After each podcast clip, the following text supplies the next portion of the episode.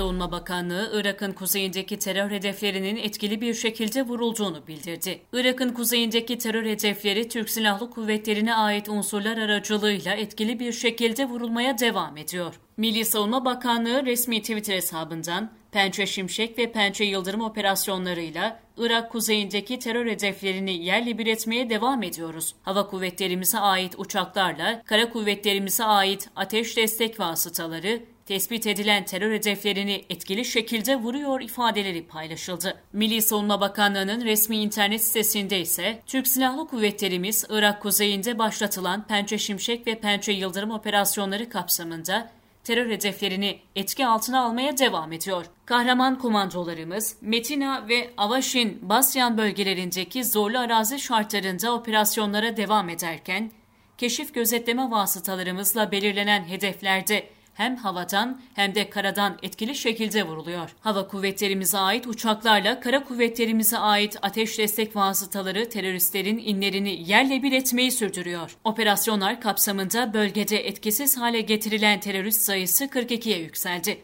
Operasyonlar planlandığı gibi devam ediyor açıklamaları yer aldı.